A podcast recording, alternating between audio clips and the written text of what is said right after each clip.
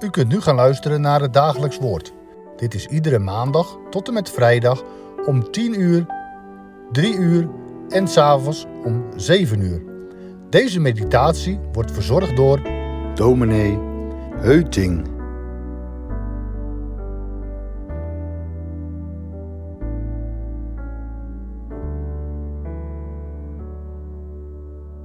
Onder christenen neemt de aandacht voor vasten toe. Tijdens de lijdensweken en in de adventtijd bijvoorbeeld. Dan onthouden mensen zich van voedsel en drank. Dat is de klassieke vorm. Jongeren minderen hun activiteit op sociale media. Dat is een moderne variant.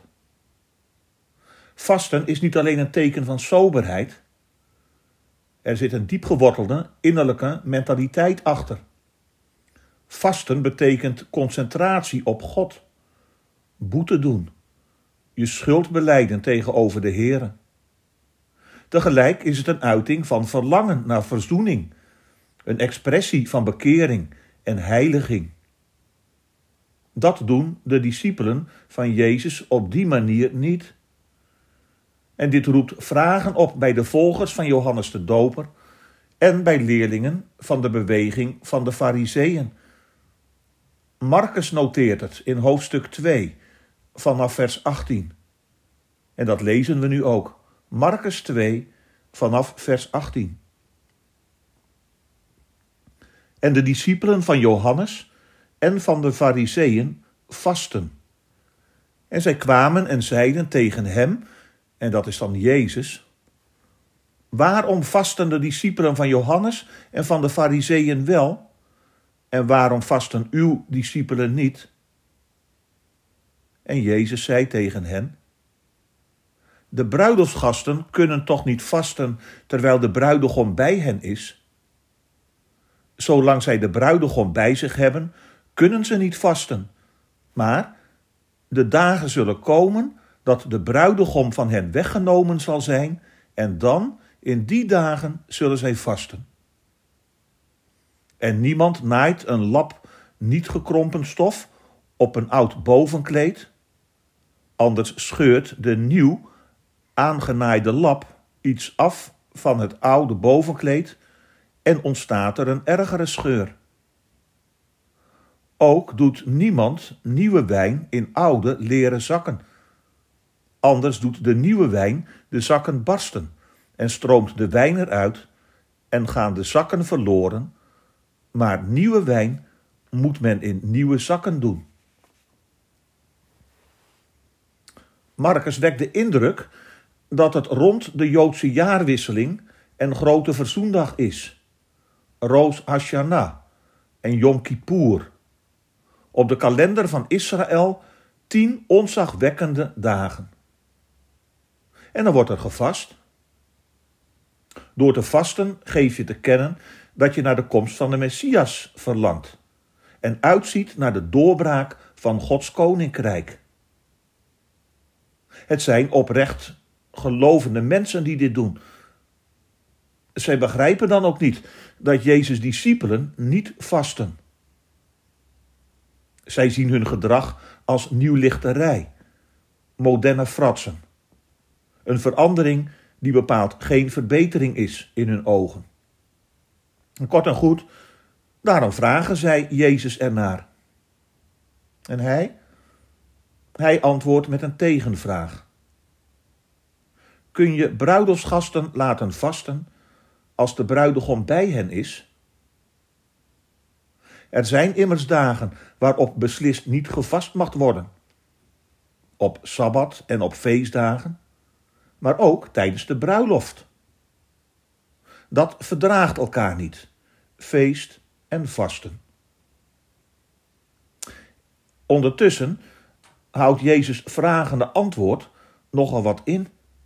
Want impliciet zegt hij: Ik ben de bruidegom. En dan moet je weten dat de bruiloft beeldspraak is voor het koninkrijk van God. Met en om en bij de Heer Jezus Christus is er vreugde in God. Vreugde over de verzoening.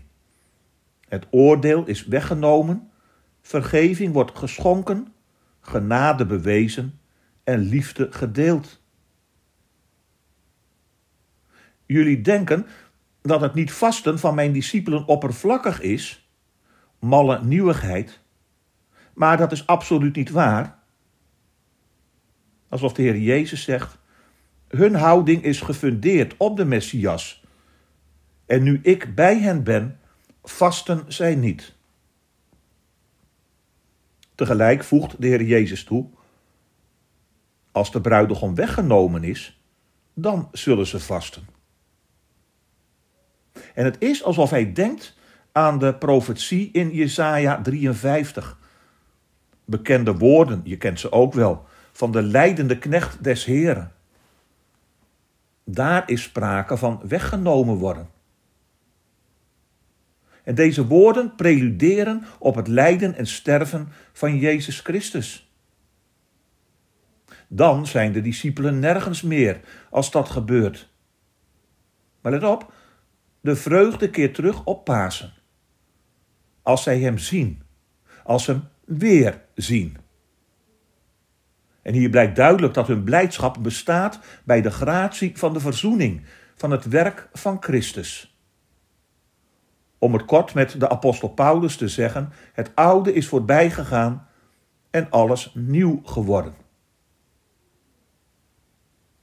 Op zijn manier illustreert de Heer Jezus deze verandering met twee korte gelijkenissen. Een van een kleermaker en een van een wijnbouwer. Hij heeft het immers over een nieuwe lap stof op oude kleding en jonge wijn in gebruikte lederzakken. In de context van het hele gesprek betekent dit dat met Jezus het koninkrijk van God is doorgebroken. De nieuwe bedeling is begonnen. En dit compleet nieuwe valt niet te verenigen met al het oude. De vreugde van de bruiloft accordeert niet met vasten. Dat schuurt en scheurt als stof en een leren zak. En hiermee wil de Heer Jezus ook tegen de volgers van Johannes de Doper en de leerlingen van de Fariseeën zeggen dat niet vasten als vorm niet zonder meer is over te nemen, alsof het slechts gaat om een vorm. Nee, nieuwe inhoud, vernieuwd verbond, om het zo te zeggen, hoort in nieuwe verpakking, zoals die jonge wijn. De Heer Jezus beschouwt het oude niet als minder, omdat het oud is. Eveneens het nieuwe meer, omdat het nieuw is. Nee, beide hebben een betekenis. Je kunt dat niet vasten, niet zonder meer overnemen, omdat het gemakkelijk is of zo. Dat nieuwe vraagt om geloof, om bekering. Nog anders gezegd, concentratie op de Heer Jezus Christus en overgave aan Hem. Verbinding ook met Hem. Daar is het Hem immers om te doen. En laat Hij er nu in de geest ook op uit zijn om te verbinden, te vernieuwen te laten delen in het rijk van God. En als dat nieuwe er is, en dat mag het om Jezus wil nu al zijn, dan kan het niet meer toe met het oude.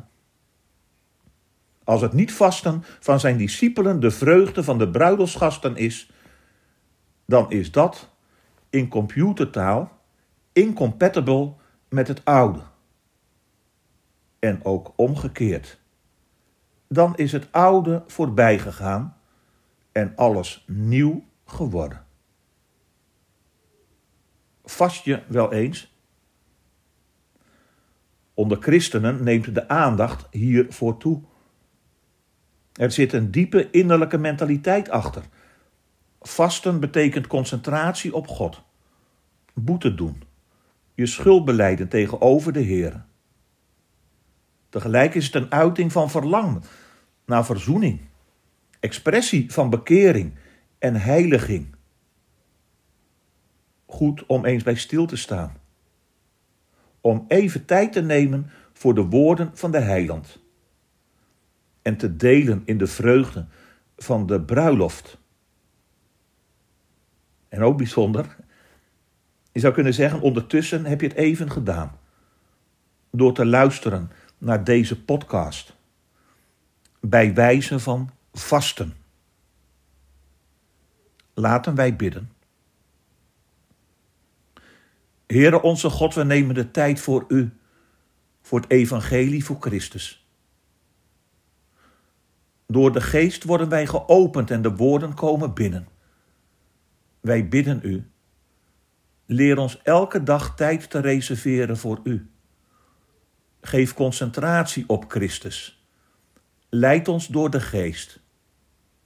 Leer ons vasten, om zo tijd te reserveren voor U. In Jezus' naam. Amen.